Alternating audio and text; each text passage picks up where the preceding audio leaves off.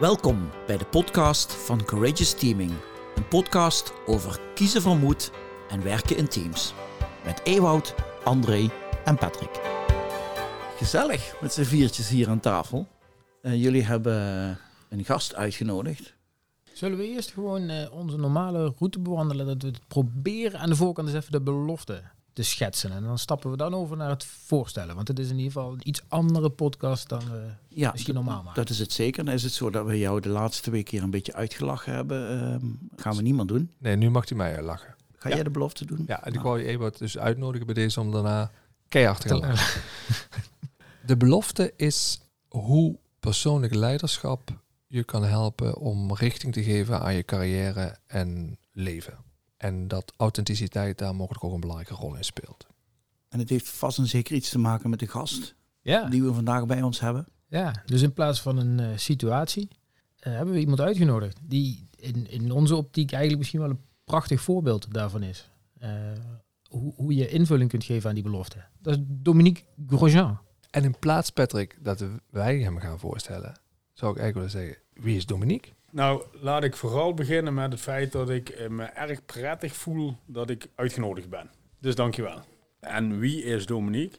Ja, ik kan geen antwoord geven op wie ik ben. Ik, ik weet wel dat ik een naam heb en met die naam door het leven reis. Uh, ik maak een reis en, en onder de naam Dominique Grosjean denk ik uh, over de wereld te kunnen reizen en mezelf te ontdekken. En of ik dan ooit antwoord kan geven op wie ik ben, nou dat weet ik niet. Nu ben ik 37. En in die 37 jaar heb ik een reis gemaakt als, als mens. Opgegroeid in een gezin. Naar militair, 20 jaar defensie. Waar ik fysiek gereisd heb over de wereld. Mhm. Verschillende landen heb, uh, bezocht met doelen. En de laatste jaren maak ik vooral de reis om mezelf te ontdekken als hoe kan ik een meest optimaal papa zijn. Uh, want ik heb een dochter met beperking, samen met mijn vrouw. Eeuwert, wij hebben Dominique, ik in ieder geval, drie weken geleden of zo, vier weken geleden voor het eerst gezien. Volgens mij al een, uh, een keer daarvoor. En wij, waren wel geraakt. Dus vandaar dat we je ook uitgenodigd hebben. Kun je iets vertellen? Je, je hebt onder andere in je carrière, je zei dat carrière, maar ook privé, heb je wat switches gemaakt? Je bent naar Defensie gegaan. Wat, wat maakt dat je daar naartoe ging? Ja, het startpunt was drie MAVO. Keuzevakken aanvinken wat je dan moest laten vallen en niet. En ik kon het niet. Ik vond het zo'n belangrijk moment dat ik dacht, ja, maar ik kan nu met mijn leeftijd niet beslissen zo bepalend over wat er dan later allemaal met mij nog gaat gebeuren. Dus ik heb het ook niet gedaan. De manier waarop ik dat heb gedaan, dat was niet zo fraai. Mijn schooltas bij de rector op bureau gegooid en gezegd, ik kom niet meer. Dus ik ging naar huis en heb gezegd, mam, eh, pap, ik eh, stop met school. Ah, dat brengt wat teweeg. En dat was eigenlijk wel het startpunt. Dat brengt wat teweeg. Ja, ja hè, pap mam met hun verantwoordelijkheid zeiden, ja, dat gaat niet gebeuren. Maar goed gesprek gehad en uit de Veronica-gids het blaadje laten zien van ja, maar dan ga ik het leger in. En dat was het startpunt. Dat, daar heb ik ook echt invulling aan gegeven. Dus drie MAVO, geen diploma, niks, wegwezen. Ik ging het oriënterende jaar van de landmacht doen. Maar ik ging vooral het leger in, het bos in en met een bus van Heerlen naar Eindhoven, daar stapte ik uit. En toen die man, uh, die sergeant, van alles begon te schreeuwen, liep ik er na naartoe. Iedereen liep in een rechte lijn. Ik niet. Ik liep naar die man en ik zeg, wat jij bent, wil ik nu worden. Zeg maar wat ik moet doen. Ga weg, zeg hij. Loop. ja, oké. En toen liep Dominique in het gareel en mijn ouders merkten vooral van, wow, dat was geen stap die, die we faciliteren. Maar wel de juiste, want we zien nou iets gebeuren in positieve zin. En waarom liep je naar die man toe en zei, ik wil gaan doen wat jij doet? Puur indrukwekkend. Ik vond het zo indrukwekkend wat die daar aan doen was. Uh, ik had geen idee verder. Tot dat moment wist ik het niet. En dat moment wel.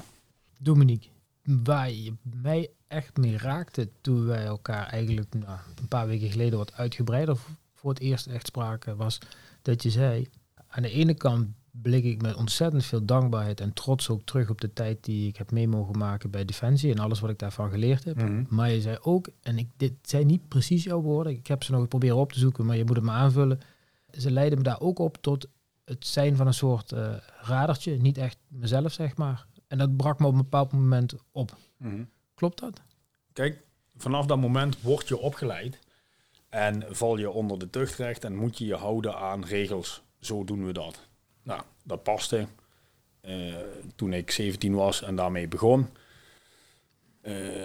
eindelijk hoorde ik ergens bij, een beetje dat idee. Nou, jaren later kon ik dan ook de stap maken naar de leidinggevende opleiding. Nou, die onderging ik. Toen werd ik zelf leidinggevende en dan werden de vangrails wat breder, dat ik wel eigen keuzes mocht maken en daarvoor eigenlijk niet. Alles werd bepaald. En daar begon ik eigenlijk weer terug bij mezelf. Ik heb nooit in het gereel gelopen. Ik deed wat ik wilde of voelde. Ja, en toen kreeg ik feedback over, nou Dominique, die vangrails zijn toch hier en hier. En jij uh, stapt er toch wel vaak buiten. Werd gewaardeerd, omdat de doelen behaald werden. Uh, maar dat was wel het startpunt dat ik begon te ontdekken van, ja, maar wacht even. Uh, ze kunnen wel zeggen, het moet zo, maar ik vind het zo. Jij doet tegenwoordig iets met leiderschap. En ik heb dat beeld voor me dat jij die sergeant ziet staan, wat op dat moment een leider is. En daar ben je van onder de indruk. In hoeverre dat dat beeld van leiderschap wat je zag, overeenkomt met die visie die je daar nu op hebt. Ja, ja het is jammer dat mensen dat niet kunnen zien, maar daar, die vraag krijg ik kippenvel van omdat die persoon, ik die ook later in een bepaalde ervaring nog heb uh, meegemaakt. En dus persoonlijk heeft die indruk me jaren later nog altijd, dat beeld was goed. Inhoudelijk is niet alleen de wereld veranderd, maar, maar ik ben doorontwikkeld of, of anders gaan zien. Dus inhoudelijk zou ik het anders doen, absoluut. Maar de man die dat toen deed, dus de man in dat pak en met de ervaringen die we samen delen, wauw, prachtige vent. Vervolgens besluit je om naar Afghanistan te gaan. Ja, als ik de tijdlijn uh, erbij pak uh, en, de, jouw vraagstelling, ja, je besluit dat niet. Het wordt je opgedragen, jij moet, of je zit nu bij de eenheid waarbij de eenheid is aangewezen. En in mijn uh, beleving, ja, dat wil je ook. Ik heb dat heel gewild, dus ik stond ook wel vooraan om te zeggen, ja, ik zit nu niet bij die eenheid, dus mag ik naar die eenheid, want die gaan wel. En in de tijdlijn, als we die volgen, was het eerst Bosnië in 2002, 2003. En ik ging met een eenheid mee waarvan ik mensen helemaal niet kon. Die leerde ik dan nog wel kennen. Wat maakte dat jij zo graag er naartoe wilde? Uh, ja, één, niet afwachten tot de eenheid wordt aangewezen en proactief. Uh, ik heb ooit eens gelezen, uh, eigenschappen van een leider is proactief zijn. Nou ja, proactief laten zien dat je dus dat, dat hogere doel dan die eenheid wil, wil dienen. En ik heb dat pak niet voor niks aangetrokken. Dat, ja. En we hebben het daar toen bij jouw locatie ook even kort over gehad. Waarom heb je dat pak aangetrokken? Dus ik stelde jou toen die vraag, goh, je bent zelfs iets jonger dan ik. Mhm. Wat heeft gemaakt dat je dat, dat pak aantrekt? Waarom? Ja, het startpunt was omdat ik niks anders wist en vooral niet in dat keurslijf van school wilde lopen. En ik vind het tot de dag van vandaag nog altijd niet in orde hoe wij met school, basisschool, middelbaar en hoe dat hele systeem in elkaar steekt. Dat was het startpunt, dus ik wist niet, niet anders, ik kon nergens anders terecht. En twee, denk ik, nu achteraf, toen niet, hè, dat ik ook wel een identiteit wilde ontdekken bij mezelf. Wie, ben ik dan? Of waar hoor ik bij? Of, of uh, zo. Wat was het de betekenis die het voor je had? Steeds minder. Die werd steeds minder? Ja. In de periodes dat we de tastbare uitzendingen hadden, Bosnië heb ik genoemd, Irak, eh, Afghanistan, daar waren we echt een leger waarbij we druk waren met doelen te dienen. En dan kon je proactief gedrag laten zien, ik wil mee, ik wil mee, ik wil mee. Nou, na die periode uh, zijn er zoveel bezuinigingen in, in gehakt dat, dat het, ja, dat was er niet meer. Mm. En uh, dat gaf ruimte om, om na te denken. En ik mocht, en dat was een voorrecht, vanaf dat moment mensen gaan opleiden en trainen. Dus ik mocht mijn ervaringen gaan delen. En dat heb ik echt ervaren als voorrecht. En daar uh, heb ik een probleem opgelopen Namelijk, het waren niet direct de ervaringen binnen de uitzendingen die ervoor zorgden dat ik niet meer met mezelf overweg kon. Maar ik voelde me alleen. Ik denk, ja, ik heb het niet gevonden. Nou, dat resulteerde uit heel uh, agressief gedrag en, en heel, uh, ja, niet meer mezelf zijn, hoorde ik mijn omgeving zeggen. Nou ja, dat sloeg ik in de wind en ik deed waar ik zin in had en ik, ik was geen prettige persoon. Een vriend kwam en die gaf me een ultiem. Of je gaat nu aan jezelf werken of ik ben geen vriend meer van je oké, hoe dan? Ja, hup, en die sleept me naar de huisarts en toen ben ik het uh, eh, MGGZ-traject in uh, gegaan. Uh, militaire gezondheidstraject. En daar is gewerkt aan, of eerst vastgesteld, hè, je hebt PTSS-klachten. Kunnen we aan werken? Wil je daar aan werken? Nou, daar kwam ik erachter dat ik een keuze heb. het meest krachtige van heel die tijd, daar kwam ik er vooral achter, ABC act, behavior, consequence. En tussen de A en de B, daar heb je keuzevrijheid. Dus er kan gebeuren wat wil. jouw behavior, jouw gedrag kun je er tegenover zetten. En daartussenin heb jij keuzevrijheid. En dat heeft me geraakt. Daarvan dacht ik, wow, wacht even. Vrijheid, dat is wat ik altijd herken van mezelf. En ik heb altijd vrijheid genomen om te doen wat ik wil. En nou niet meer. Die heb ik teruggekregen.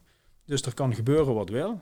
Ik eh, ga mijn neusademhaling doen, want dan schakel ik naar mijn denkend brein in plaats dat ik naar in mijn emotie blijf. Dat is wat ik in ieder geval doe.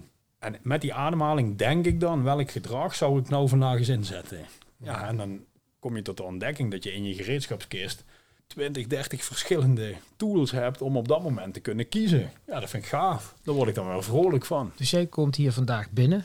Ja. En eigenlijk vertel je een fantastische anekdote volgens mij die daarmee te maken heeft. Ja.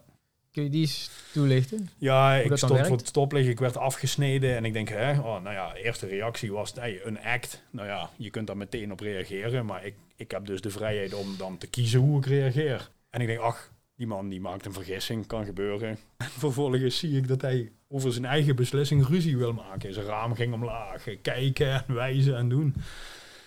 Je schat de situatie in en ik ben geen vechtersbaas, laten we dat vooropstellen. Ik, ik verafschuw agressie en geweld.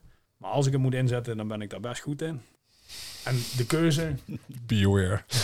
ja, maar ja, de keuze was, nee, dat wil ik niet doen. Maar je wil dat wel uit mij halen.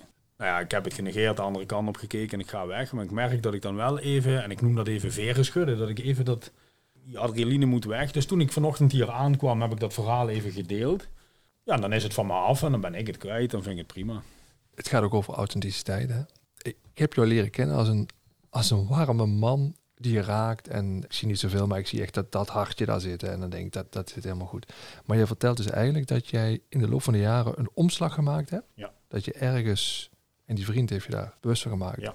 agressief was geworden en, en een beetje van jezelf weg. Tot wie je nu bent. Van mensen helpen met leiderschap, mensen eh, verbinding maken met et cetera. Dat, dat is toch een huge omslag. Ja. En wa- wat heeft jou daar in? Je hebt één ding genoemd. Die, die tijd, die denktijd die je hebt. Hè, tussen er gebeurt iets en de COVID had het er ook over. Maar wat, dat, dat als een enorme leap, een enorme slag. Ja, in mijn geval is dat ook niet van vandaag en morgen. Die begeleiding vanuit het MGGZ, dat was een, een manier. Dat heeft, heeft anderhalf, twee jaar geduurd. Sterker nog, na een jaar even niet. Toen toch weer even de keuze gemaakt. Ja, lukt me nog altijd niet alleen. Ik kom nog even terug. En die deur die was ook open. En psychologen en psychiaters, maar ook praatgroepen, die hebben daar echt in geholpen. Door, door van allerhand verschillende hoeken, perspectieven te, te leren kijken. En eh, ja, in mijn geval, ik heb ook EMDR-therapie eh, ge- ge- gekregen of gevolgd, gehad. Ik weet niet hoe je dat moet eh, zeggen. Waarbij dan bepaalde beelden genuanceerd werden. Hè. Dus ik had een lading bij een bepaald beeld. Het overlijden van Timo Smeehuizen, eh, die we naar huis brachten. En ik vloog mee om mijn opa te begraven. En de keuze had ik, want mijn opa overleed. En omdat mijn vader er altijd eh, voor mij is geweest, heb ik de keuze gemaakt om te zeggen, nou ben ik er voor mijn vader. En ik wil dat fysiek laten zien. Dus ik vlieg met Timo Smeerhuizen mee om er voor mijn vader thuis te zijn. Maar achteraf is die ervaring is mij zo in de, in, in de huid gaan zitten. Ik kon dat beeld niet meer loslaten toen ik zijn ouders aankeek en, en wat daar gebeurde. We stapten namelijk in Eindhoven het vliegveld uit. En vanaf het moment dat de kist uit, de, uit het vliegveld gedragen werd, waar ik uren en uren tegenaan heb moeten zitten kijken, Ja. begon het te regenen. En het was keurig droog, het was een mooie dag. Het begon te regenen. En wij, wij droegen, ik zeg wij, maar, maar die draagploeg die droeg fysiek. En wij liepen er dan achteraan en een hele erehaag. En, en alles wordt daar echt kameraadschappelijk door Defensie fantastisch goed eh, invulling aan gegeven. En dan dragen we Timo terug. Eh, zijn ouders, familie, eh, heel veel mensen stonden daar. En eh, toen Timo binnenkwam, was het droog. Het stopte met regenen. Ja. En ik heb mezelf jarenlang in mijn hoofd geprent van ja, Dominique, dat heb jij zo, dat zal niet zo zijn geweest. Mhm. Dat is niet zo. En nog geen paar maanden terug kwam ik een video tegen over Timo op YouTube. En volgens mij is het zijn zus die over hem vertelt. Die vertelde dit, dit regenverhaal. En dat was eigenlijk pas een paar maanden geleden voor mij. Wow, dat is dus echt gebeurd. Ik, dat heb ik niet beleefd.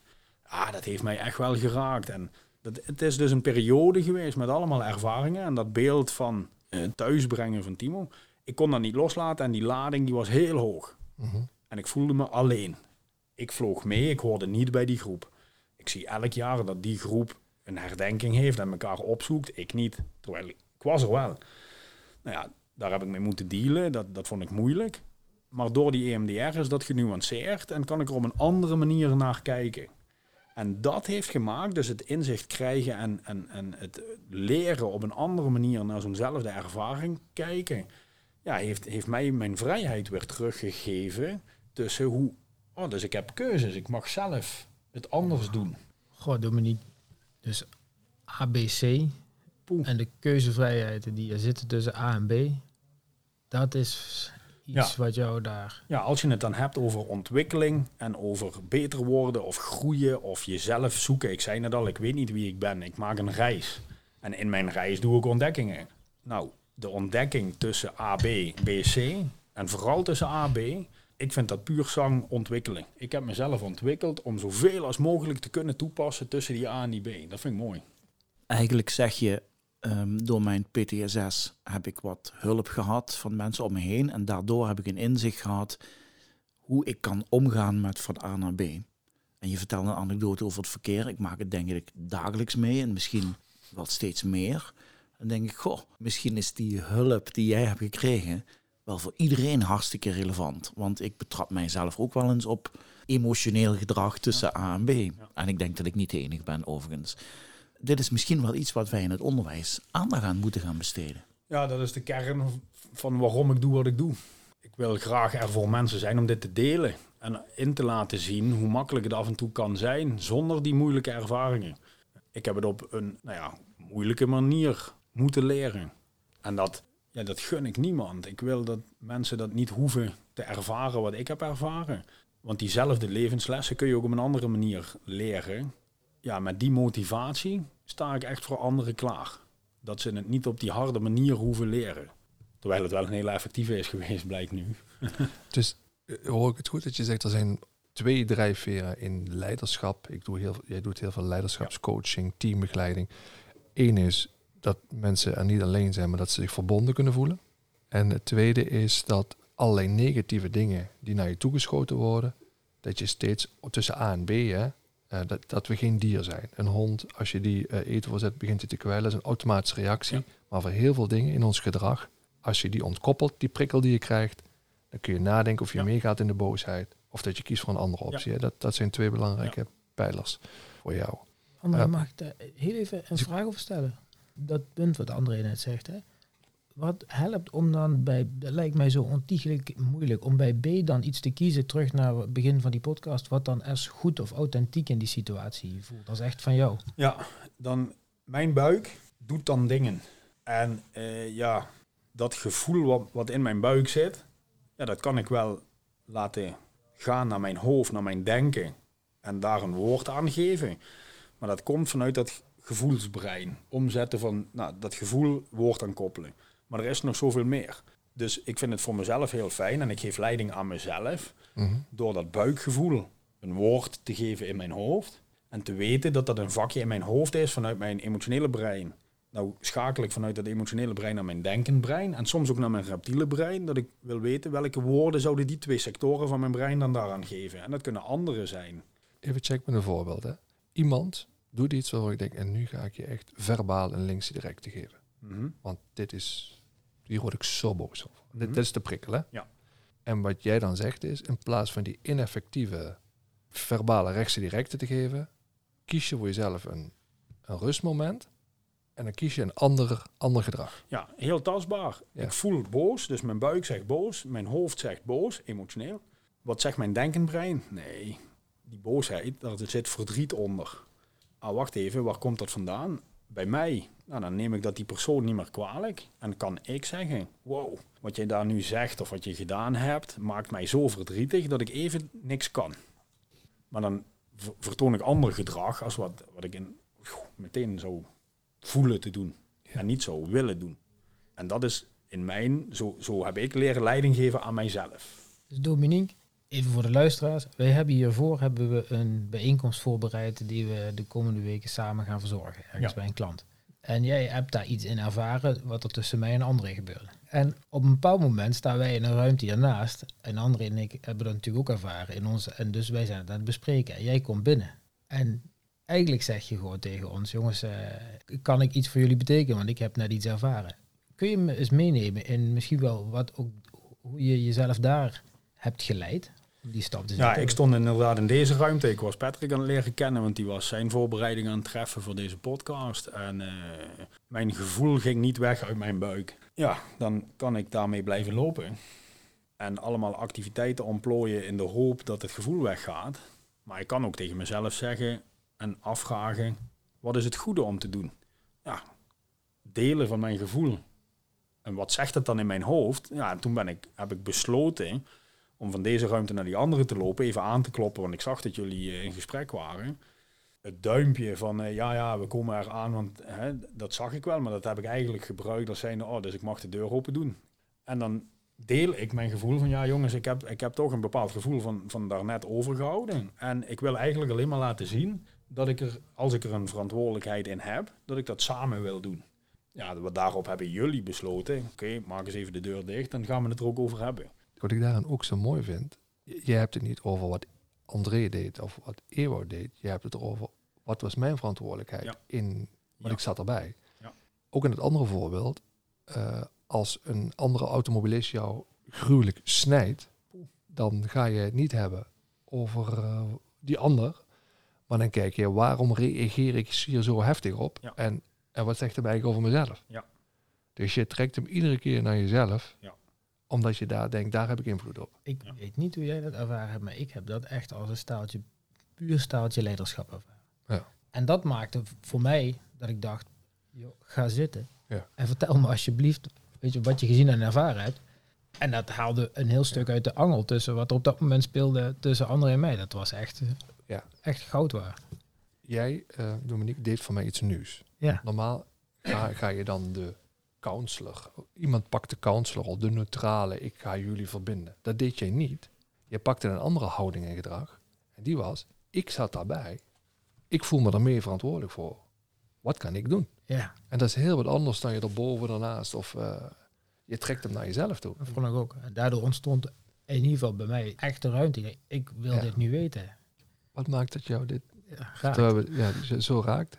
Jullie zijn allemaal dingen aan het zeggen dat ik me gezien voel. En dan voel ik me erkend en gewaardeerd en dat voelt heel fijn. En dat maakt me dan verdrietig. Ja. En dat mag ook, want ja, eh, weet je, als je jezelf pijn kunt doen, dan kun je ook groeien en ontwikkelen. En, en, en. Maar weet je, ik ben papa van Jenna. En zij heeft een beperking, een van de 87 meisjes wereldwijd met iets wat ze heeft. Ja, een toeval bestaat niet, je gelooft het of niet. Maar met al die ervaringen die ik dan voordat ik papa werd heb ervaren, Mhm. eh, hoop ik nu de beste papa te kunnen worden. En ik doe me dagdagelijks heel veel pijn om morgen het beter te kunnen doen. Want als ik het niet doe, als ik niet accepteer wat er is, hè, dus, dus de, de act die Jenna voert, de A, waarop ik gedrag moet teruggeven, wat niet in een doorgaand boekje staat van hoe Mhm. word ik papa en hoe word ik mama, die iedereen wel krijgt bij de, bij de, bij de babyborrel en de geboorte. Hè. Ja, dat is er voor ons niet. En daar kan ik wel mee bezig blijven. En zeggen, kijk, dat is er niet. Kijk, dat is er niet. Ja, maar ja, wat is er wel? Nou, dat ben ik. En, en mijn vrouw is er. Nou, wij kunnen dat samen. Mag ik jullie een vraag stellen? Ik zie een authentiek iemand en ik zie ook moed. En daar gaat het bij ons heel vaak om. Ik zie heel veel moedig gedrag bij jou, omdat je dat kunt, omdat je zo authentiek bent. Of ben je zo authentiek omdat je eh, ja, moedig durft te zijn? Ja, ja die weet ik niet, maar ik, denk wel je vraag te begrijpen.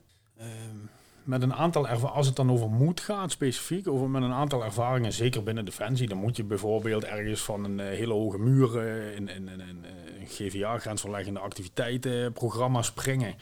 Ja, en ik heb dat aantal keren moeten doen eh, als leerling, maar naderhand ook als leidinggevende als ik instructeur was, die dat dan leerlingen liet doen. Maar dit is rationeel. Maar een uur geleden liep jij hier naar binnen omdat je een onderbuikgevoel had. En dat vind ik mo- moedig om dat naar binnen te gaan. Ja, maar tegelijkertijd is dit wel wie jij bent, zullen we Ja. maar zeggen. uiteindelijk groeit dat zo. En nou, mooi dat je die, die stap maakt. Inderdaad, ik had hier dat gevoel. En dan, dan is het voor mij, oké, blijf ik hier en wacht ik af? Of stap ik naar die andere kant? Want met alle belangen van dien. hè, het kan ook als niet prettig ervaren worden dat ik even aanklop en zeg nou, ik kom mijn gevoel delen. Of, eh, Ja. ja, en de, de, de sfeer en de cultuur en, en alles wat hier heerst, heeft er eigenlijk voor gezorgd dat ik de inschatting maak. Nee, ik mag hier bij mezelf blijven, want ik wil die deur in en ik wil mijn ding delen. Maar ik hoor je net ook zeggen, ik vind pijn niet zo heel erg. Dat zijn een beetje mijn woorden. Maar als je naar binnen gaat en het wordt als niet goed ervaren, die pijn, die neem je voor lief dan. Want je zegt, daar groei ik van. Ja. Dus dat is ook accepteren. En eigenlijk helpt je dat om moedig te zijn. Je verliest nooit. Je verliest Of je wint of je leert. Ja. Dus ik, ik ben naar binnen gestapt en het was fout geweest. Nou, nu niet, maar stel voor, dan kan ik leren. Hoe kan ik dat de volgende keer beter doen? En, en die strengheid moet je voor jezelf hebben om, om jezelf te leiden daarin. Kinderen zijn voor mensen vaak hun hoogste goed. Hè? Dus dan denk ik, wat, wat geef jij hun vooral mee? Dan zeg ik, jongens, ik, we hebben vandaag met z'n drieën Dominique geïnterviewd. Het ging over leren, het gaat over opgroeien, het gaat over bij jezelf blijven en het gaat over al die voorbeelden die je noemt. Wat probeer je ze te laten ervaren? Wat, wat, ja, wat, wat geef je ze eigenlijk mee? Ja, een trucje. Laat ik het trucje noemen. Of, of een tool. Of ja, een van die dingen die je dus uit je gereedschapskist kunt halen tussen die A en die B. Zou kunnen zijn dat je jezelf zo opstelt. En dat heb ik echt van mijn dochter geleerd. En dat beseft zij absoluut niet. Het is wat het is. Zij, zij doet wat ze doet. En in plaats van dat ik zeg, ja maar ik ben papa en ik heb al levenservaring en ik weet het allemaal. Heb ik dat al nu met, met Jenna helemaal los moeten laten. En dat was super moeilijk. Ik draai het om. Leg het mij maar uit. Nou, Jenna kan dat niet zo goed. Maar als je echt leert luisteren. En niet leert luisteren om te reageren. Maar echt leert luisteren om te horen of te zien wat zij nu zegt. Want in haar geval is het meer zien dan horen. Dan pas kan ik tegen mezelf zeggen. Ah, ze bedoelt dit dus. Dat is haar boodschap.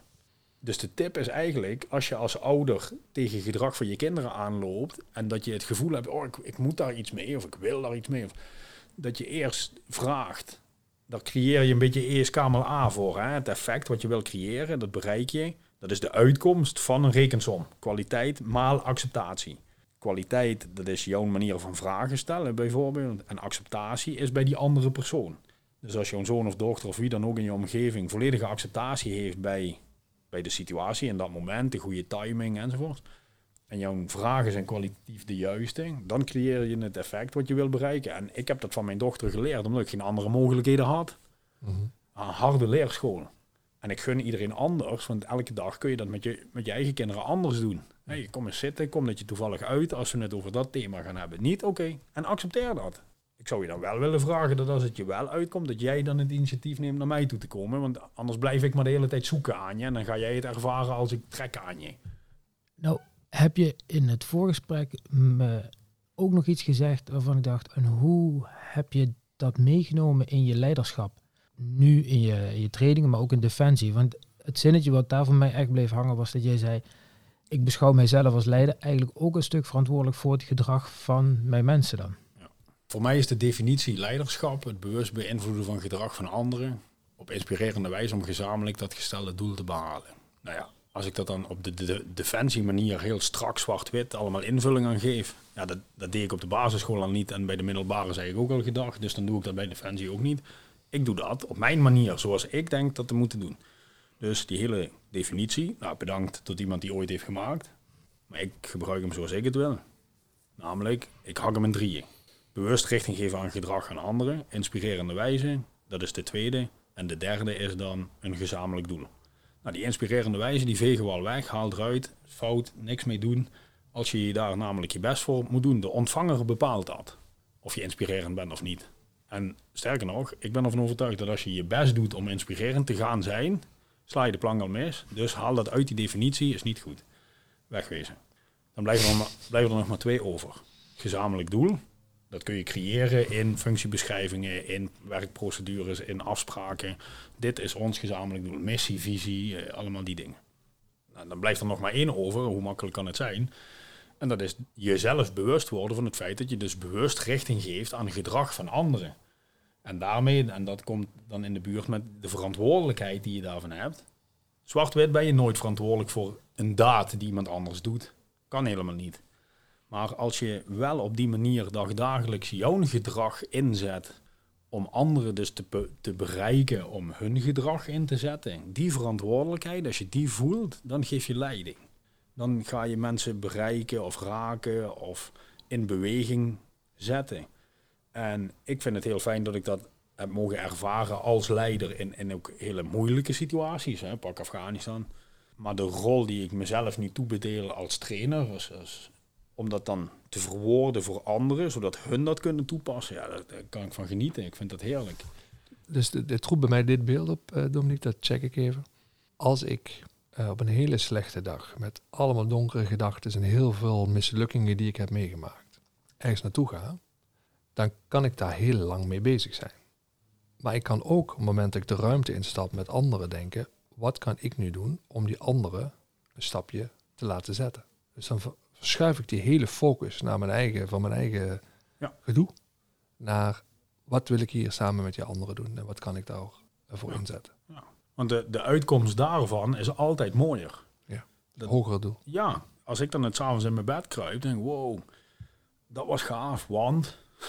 Wat gun jij dus jonge startende leiders in? Wat, wat denk je dat als je dat heel veel gaat doen en meemaken, dan, dan ga, ga je het best uit jezelf halen? Ja, ik gun vooral dat ze het niet hoeven leren zoals ik het heb geleerd. Dat je dus met leuke ervaringen hetzelfde kunt leren. Dat, gun ik echt. En, en wat gun ik ze dan? Ja, zoveel. Hè? Maar bijvoorbeeld een ervaring, een papiertje, kratjes met een plank, een hoepel. het maakt niet uit wat. Dat je die activiteiten, die je als leuk en gezellig, als teambeeldmoment ervaart, maar dat je daar dezelfde levenslessen uithaalt als, als die impactvolle nare ervaringen. Dat, dat gun ik vooral. En mag ik dan toch iets toetsen? Ja, de Stoïcijnen zeggen, je kunt niet leren tenzij je tegenslagen hebt. Ja, en dan doe ik dus een beroep op, doe jezelf nu pijn. Ja. Dus die, ik laat je een ervaring doen, maar niet uit welke. En achteraf gaan we praten met elkaar. En dan ga ik een beroep op je doen dat jij jezelf pijn gaat doen. En dat klinkt heel hard, hè, maar dat je in staat bent om jezelf eerlijk te zijn tegen jezelf. Inderdaad, mijn gedrag was niet correct. En ik heb wel gezien bij die ander dat dat wel correct was. Ik wil dat eigen maken. Nou, dan hoef je eigenlijk alleen nog maar een afspraak met jezelf te maken. Hoe je dat morgen gaat doen. Of vanavond al. Dus tegenslagen en weerstand opbouwen, dat is onderdeel van Ja. hoe je mensen laat leren en Ja. zichzelf te vinden. Dankjewel.